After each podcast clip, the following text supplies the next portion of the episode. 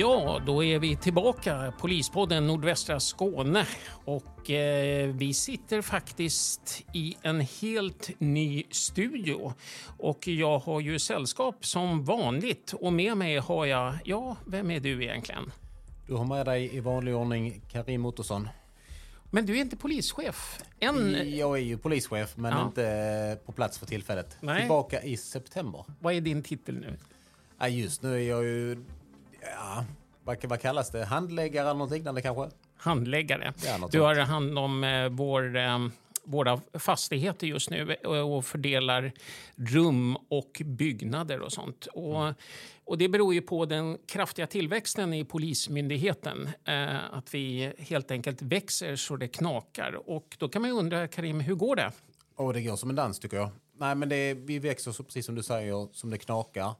Eh, tyvärr har vi inte hängt med riktigt i lokalfrågan. Så vi har en hel del eh, arbete här i huset. Där man sitter kanske lite trängre än man borde. Och sen håller vi då på att utlokalisera vissa verksamheter. Och då för att eh, trygga lyssnarna så det inte är de uniformerade då som kommer utgå från andra ställen med uniformer och polisbilar. Utan det, det är de verksamheterna som är lämpade för det. Och det kommer ligga på olika ställen i Helsingborg. Helt Ja, enkelt, jo det stämmer. Och det här arbetet kommer fortgå en längre tid. Som jag tror vi nämnde vid förra avsnittet så är ju våra politikers inställning att vi ska nå EU-snittet i antalet polisanställda. Och gör vi det då, runt år 2030 så kommer vi växa rejält och då måste vi ha fler lokaler. Det kan man nästan förstå. Och innan vi släpper in eh, gästen i vår eh, podd i det här avsnittet som är, är faktiskt Marie Dahlman som är gruppchef på brott i nära relation så gör vi en liten, eh, vi gör en liten neddykning i vad som har stuckit ut här. Och eh, då kan jag berätta då att i morse så slog eh, polisen till mot ett nätverk i Helsingborg som misstänks ha distribuerat stora narkotikapartier. Eh, samtidigt som tillslaget i Helsingborg inleddes så slog till, polisen till på flera platser i nordöstra Skåne. Och där greps fem personer som är åldrarna 29 till 43 år. Eh, och jag tänker så här, Karim, för du har ju mångårig erfarenhet av eh, Eh, eh, vad heter det, brottsbekämpning i Helsingborg. Hur, hur pass vanligt är det att man, man har eh, konstellationer i andra delar av länet som även är kopplade till Helsingborg? Mm, ja, till att börja med vill jag ju bara slå ett slag för att ännu en gång har vi då frihetsberövat eh, grovt kriminella här i, i, i Helsingborg med omnejd. Eh, under 2023 så hade vi ju ett, ett flertal ärende. Vi hade många grova våldsbrott, både skjutningar och sprängningar. Men samtidigt så har vi då frihetsberövat ett stort antal ledande figurer. Och flera av dem är då redan dömda till fängelsestraff och nu kan de bli de häktade på nytt på grova våldsbrott. Så det, det är ju det är ju fantastiskt och det märker vi också. Då ser vi det, det lugnar sig lite grann i alla fall. Sen om man nu tänker att man som kriminell ska kunna flytta på sig lite grann, att inte vi har koll när man är i ett annat område eller en annan region, så, så det är inte, det är inte lönt. Utan vi samarbetar ju både inom Region Syd och nationellt. Och det var ju egentligen grundtanken 2015 när vi gick från flera myndigheter till en, att vi ska samarbeta bättre. Och vi utvecklar våra metoder hela tiden och ett jättebra samarbete. Så det Och där blir vi vassare också. Va? absolut. Så se upp där om du är kriminell där ute. Eh, You can't run. Jo, you can run but you can't hide. Så, så är det ju. Och, det, och det fina här tycker jag det är att utredningsstationen som utreder våra grova våldsbrott, de, det, är ju- det är ju ofta eh, sista tiden många gamla ärenden som man då eh, fortsätter att jobba med och visar att eh, fast man begått något grovt för ett par år sedan så kommer verkligheten ifatt och det, det är härligt. Mm. Och vi ska också ge cred förstås till våra kollegor i andra polisområden i bland annat eh, nordöstra Skåne och Blekinge också. Jätteduktigt jobb av kollegorna där och även Åklagarmyndigheten. Och med det så tror jag det är dags att säga hej och välkommen, varmt välkommen till Marie Dahlman som är gruppchef för brott i nära relation. Tack så mycket. Och eh, det är poddpremiär för dig va? Du har aldrig suttit i en poddstudio förut. Ja, det stämmer. Det är Hur- första gången. Hur känns det? Vad tycker du om vår nya poddstudio? Ja, jag tycker den är jättefin och det känns eh, spännande detta. Bra, bra. Eh, Marie, du kan väl börja berätta lite om din bakgrund som polis? Mm, det kan jag göra. Jag eh, började polisskolan 1993 i Solna och var klar polis 1995 i december. Så den 18 januari i år firade jag 31 års tjänst i myndigheten. Eh, om jag ska sammanfatta de här runt 30 åren så har jag jobbat 10 år i yttre tjänst, 10 år som utredare och de senaste 10 åren som arbetsledare och chef. Och du kan se lite hur, ehm, eh, som kvinnlig polis, hur, hur har det utvecklats i myndigheten under de här åren? Kan du säga någonting om det? Det var, det var inte så många när du började kanske? va? Nej, jag tror det var runt eh, 20 procent kvinnor och så var det 80 procent män. Jo, men jag tycker att vi har tagit eh, steg i rätt riktning. Jag vet inte hur mycket vi är idag, men vi är väl närmare 50-50 skulle jag kunna tänka mig. Mm. Viktigt. Absolut. Mm. Eh, varför valde du då nu att arbeta på brott i nära relation? Ja, men jag har väl alltid tyckt att det är ett brott som eh, berör många. Inte bara just de två involverade personerna utan i regel påverkas ju hela familjen, ibland hela släkten. Det här är ju brott som förekommer i alla samhällsklasser och det är ju ett eh, stort samhällsproblem. Eh, jag känner väl att eh, man gör skillnad för många människor när man utreder de här brotten. Och man ger dem någon form av upprättelse och förhoppningsvis något bättre framöver. Mm. Eh, hur hur vanligt är det då med, med, med våld i relation? Så jag skulle säga att det är ett mycket vanligt brott och de utgör ju en stor del av de eh, anmälningar som inkommer till myndigheten här eh, varje dygn.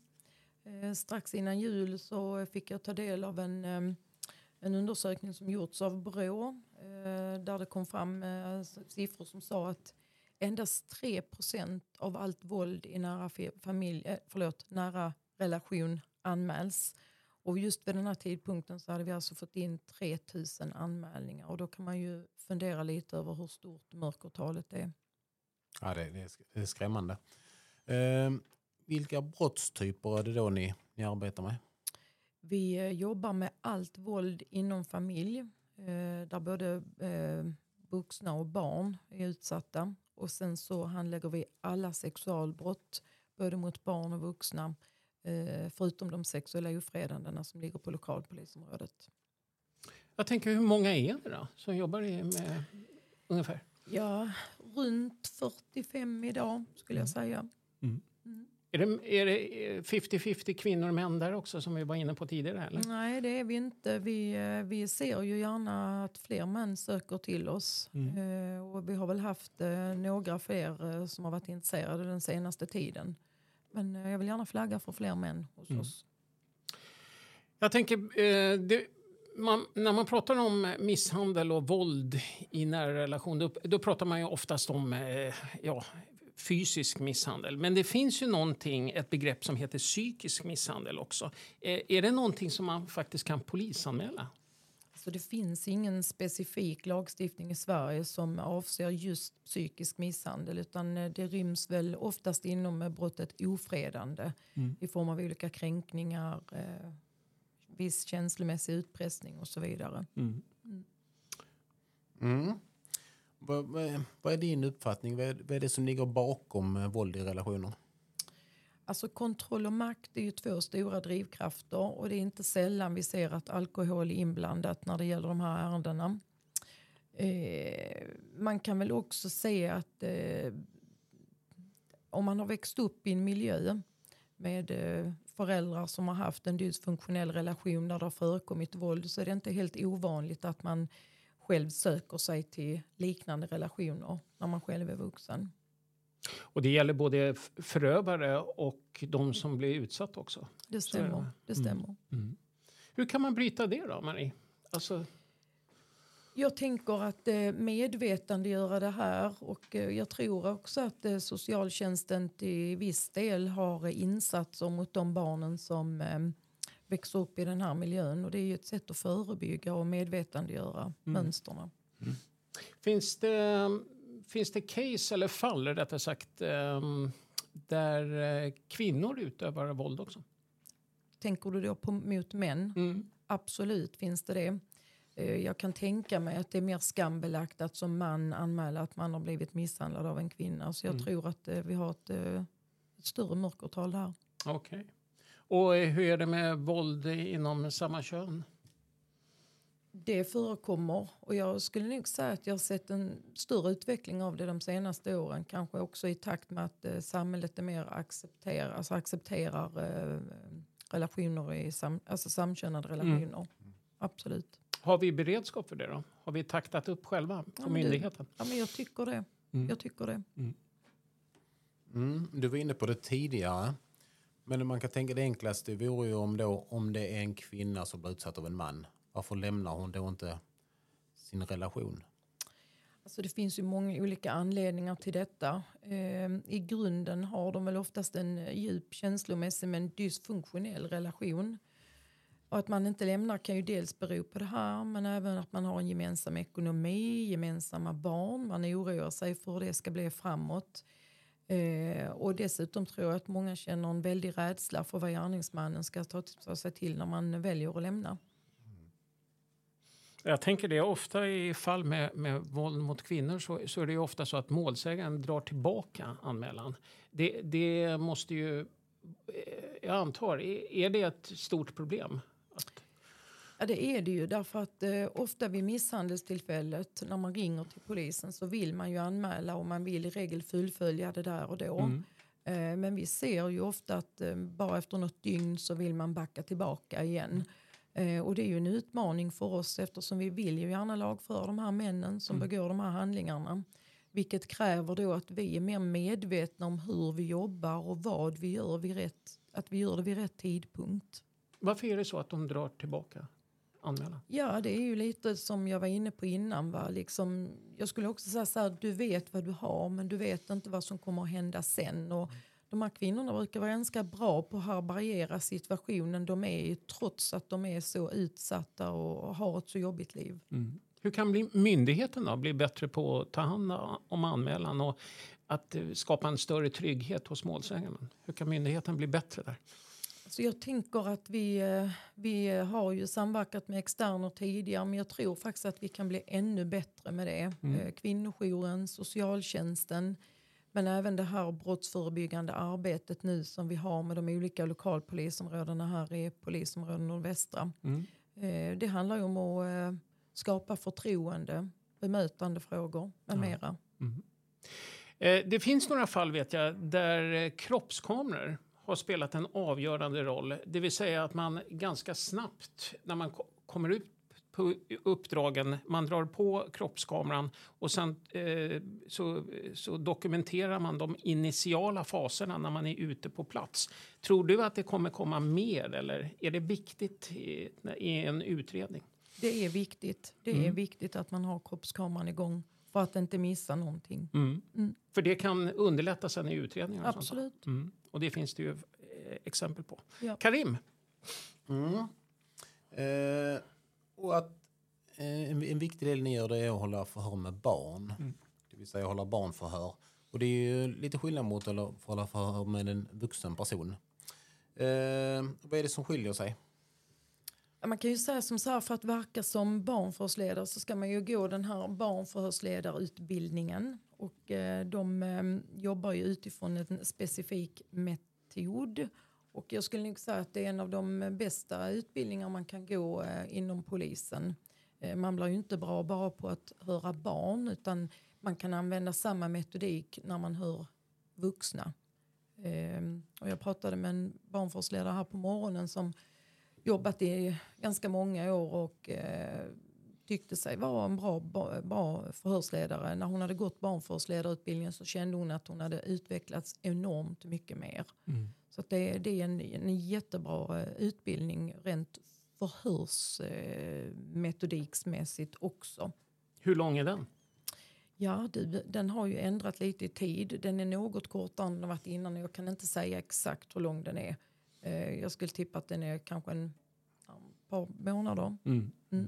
Och det som kommer fram i barnförhör och sånt, det, det gäller också i domstolen? Ja, Ja, så är det. mycket bra. Ja, Jag måste säga det också, jag har fått ta del av några barnförhör. Eh, och fått insyn i det. Så att säga. Jag är så djupt imponerad över det arbete som görs. Eh, fantastiskt. Mm. Jättemycket. Och på temat imponerad, det är ju bland annat också eh, det här grupperna som jobbar mot barnpornografi och eh, eh, grovt, grova sexbrott också. Att bara arbeta med det, det måste ju vara oerhört påfrestande. Alltså jag har ju tagit del av en del material och det vänder sig fortfarande i magen. Och eh, det fick jag höra, det jag fick se, det var bara en picknick i parken alltså jämfört med vad som kommer in till oss i olika utredningar. Här i Helsingborg också ska, ska nämnas har vi haft en väldigt, väldigt framgångsrik grupp som har jobbat med, speciellt mot barn pornografi. Och det gick väldigt bra för den gruppen som inte finns kvar. Va? Ja, det stämmer. Mm. Eh, dock har vi förmånen att ha kvar eh, de här främst då två utredare hos oss på BIN som fortsätter att göra ett fantastiskt arbete där. Mm. Eh, det, är ju, det är ju jobbiga ärenden att hantera. Mm. Eh, idag utreds ju barnpornografi på regionsnivå. Eh, så vi har inte dem längre. Eh, det som är viktigt när man har den här typen av ärende är ju att man har handledning mm. regelbundet. Det har ju alla utredare på Bottenära idag också. Men ibland kan det ju vara så att är man en, en bra och sammansvetsad grupp där man känner att man har utrymme att prata om de svåra sakerna så, så kan man liksom klara sig ganska bra i det också. Mm. Eh, arbetsmiljön är viktig. Man får inte sitta med de här ärendena för länge och granska de här barnpornografibrottsbilderna. Eh, och det handlar ju ganska mycket om hur man mår, hur länge man kan hålla i det här jobbet. Hur länge orkar man hålla på? Då? Ja, det är en bra fråga. Eh, en del har ju hållit på ganska länge och en del eh, känner väl efter en stund att de vill ha ett uppehåll och det, mm. det tror jag är viktigt. Den här handledningen du nämnde, vad, vad innebär den? Är det psykologer inblandade? Ja, det stämmer. Mm. Eh, man sitter tillsammans med psykologen och en fast grupp eh, runt var sjätte vecka eh, där man kan prata om sånt som man tycker har varit belastande eller jobbigt. Mm. Okay. Jag kan inflika där med just med handledning så är det ju fler verksamheter, då bland annat på mitt lokalpolisområde där vissa medarbetare, då bland annat i yttre tjänster, också får handledning. Mm. Och det är ju för att vi ska ha en eh, trygg arbetsmiljö och vi kan få avlastning och man ska kunna må bra under, under, under flera års jobb så att säga. Mm. Eh, när vi då antingen på vår berömda Facebook-sida eller i andra sociala medier eller medier generellt när man nämner ert arbete så, så kommer det ofta kommentarer att eh, de som tar del av det är frustrerade över att det är för, för korta straff. Vad tycker du? Frågan? Ja men såklart så tycker väl både jag och medarbetarna att många kommer ju billigt undan. Ehm, eh, och det är ju ingenting egentligen som vi kan påverka utan det är ju betydligt högre upp i samhället som, som man avgör det. Eh, dock tycker vi ju det är intressant när vi får de här domarna att titta lite på hur eh, rätten resonerade kring det och vad vi kan göra bättre nästa gång. Och det är ingen rolig läsning för att eh, i ett pressurklipp som jag sitter med här från idag faktiskt, när vi spelar in den på tisdagen eh, den 30 januari så, så är det Sydsvenskan, Helsingborgs Dagblads genomgång som visar eh, att män som systematiskt misshandlar och bryter ner sin partner riskerar upp till sex års fängelse för grov kvinnofridskränkning. Men i själva verket kommer männen betydligt lindrigare undan. Sydsvenskans genomgång visar att nästan alla män döms till lägsta straffet eller bara en liten bit över det. Eh, citat, det är väldigt sällan domstolen är uppe i de högsta nivåerna. Man, oft, man hamnar ofta långt ner på straffskalorna, säger en åklagare Lina Viktor till tidningen. Jag, jag tänker som polis, eh, är det straffen som är viktigast för utredningen eller är det annat som driver? Alltså det är väl klart att eh, man drivs av att, att, eh, att man vill åstadkomma ett, ett bra straff i förhållande till brottet. Men jag tror också det finns andra drivkrafter i detta. Det här med man vill ge offret upprättelse, man vill bekräfta dem i, i det de har blivit utsatta för. Och det, det är en drivkraft, empatin för, för brottsoffret men också då viktigt att betona det här med att vi som poliser ska vara objektiva Mm. genom förundersökningen. Det är jätteviktigt och det är, det är inte alla som eh, har förstått att det är så det fungerar. Eh, och de gånger ibland jag får möjlighet att, att prata om vårt jobb utåt så betonar jag ofta det här. Eh, och det kan vara nog så svårt men det är viktigt och det handlar ju om rättssäkerhet. Du lyssnar på Polispodden Nordvästra Skåne och det är årets första avsnitt. Här sitter jag med polischef Karim Ottosson och även gruppchefen på brott i nära relation, Marie Dahlman. Eh, jag tänker på eh, när, eh, när man läser om någonting som kallas latent våld. Vad, vad är det, latent våld? Vet du det?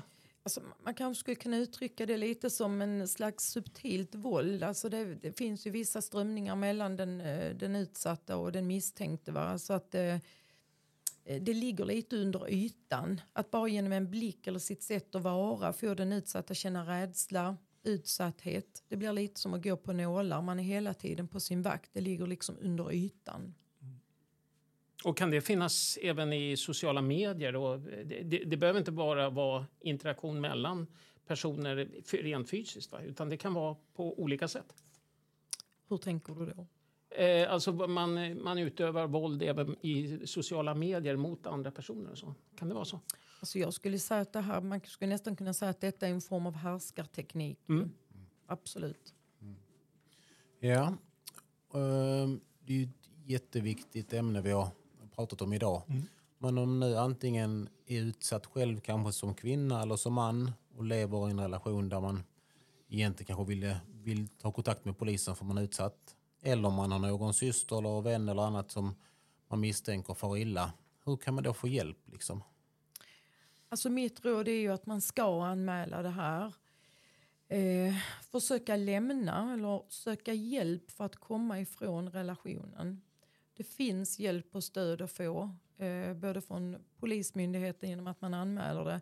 Men även hos andra organisationer, kvinnojour, socialtjänst med flera. Och jag vill också betona att man tror man är ensam, det är man inte.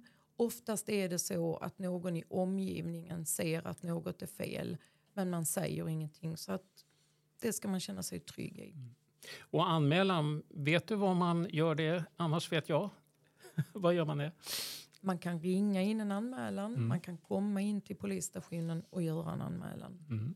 Ringa in då, då är det oftast 114 14. Om det inte är akut och brådskande, då är det 112. Eh, sen kan man också göra anmälan på polisen.se också. Ehm, jag bara tänker en sak, en sak som poppade upp, eh, för jag vill gärna ha den här eh, avsnittet komplett också, som poppade upp. Eh, Marie, det har varit jätteintressant att ha dig i studion idag, det ska du veta. Och jättetack för det. Jag, jag bara tänker, du jobbar, du och dina kollegor på Brott i nära relation gör ett fantastiskt jobb dagligen. Eh, och ni jobbar med ett mycket känsligt material också. Jag bara tänker, när ni kommer hem på kvällarna, eh, när ni lämnar polishuset och så. Är det inte svårt, i och med att ni jobbar med så väldigt känsligt material, att koppla av hemma sen och på helger och så? Hur gör ni? Det händer ju att vi pratar om det här och jag tror det, det är ju också viktigt att förhålla sig att vi är i vår yrkesroll när vi är här. Eh, att eh, liksom få andra perspektiv på sin fritid, det är jätteviktigt. Och någonstans förhålla sig professionell men ändå våga prata om det som vi tycker är jobbigt. Det är jätteviktigt att vi gör det. Och jag vill slå ett slag för det här med handledningen igen och att vi tar hand om varandra helt enkelt. Där är ju ett eh, fantastiskt eh, engagemang från alla utredarna uppe hos oss. Och det, är en, eh, ja, det är en ren fröjd att vara där. Så känner jag. Mycket bra. Ja, jag känner mig helt nöjd, Karim. Du då? Jättenöjd. Det känns att 2024 är på gång helt enkelt. Just det, och Polispodden Nordvästra Skåne är tillbaka med full kraft. Tack så mycket, Marie, för att du ville komma hit. Eh, och jag ska säga då att de åsikter som framförs i podden reflekterar nödvändigtvis inte Polismyndighetens hållning. Producent Rickard Glans, ansvarig utgivare KA Syd. På återhörande så hörs vi med nya intressanta ämnen och gäster.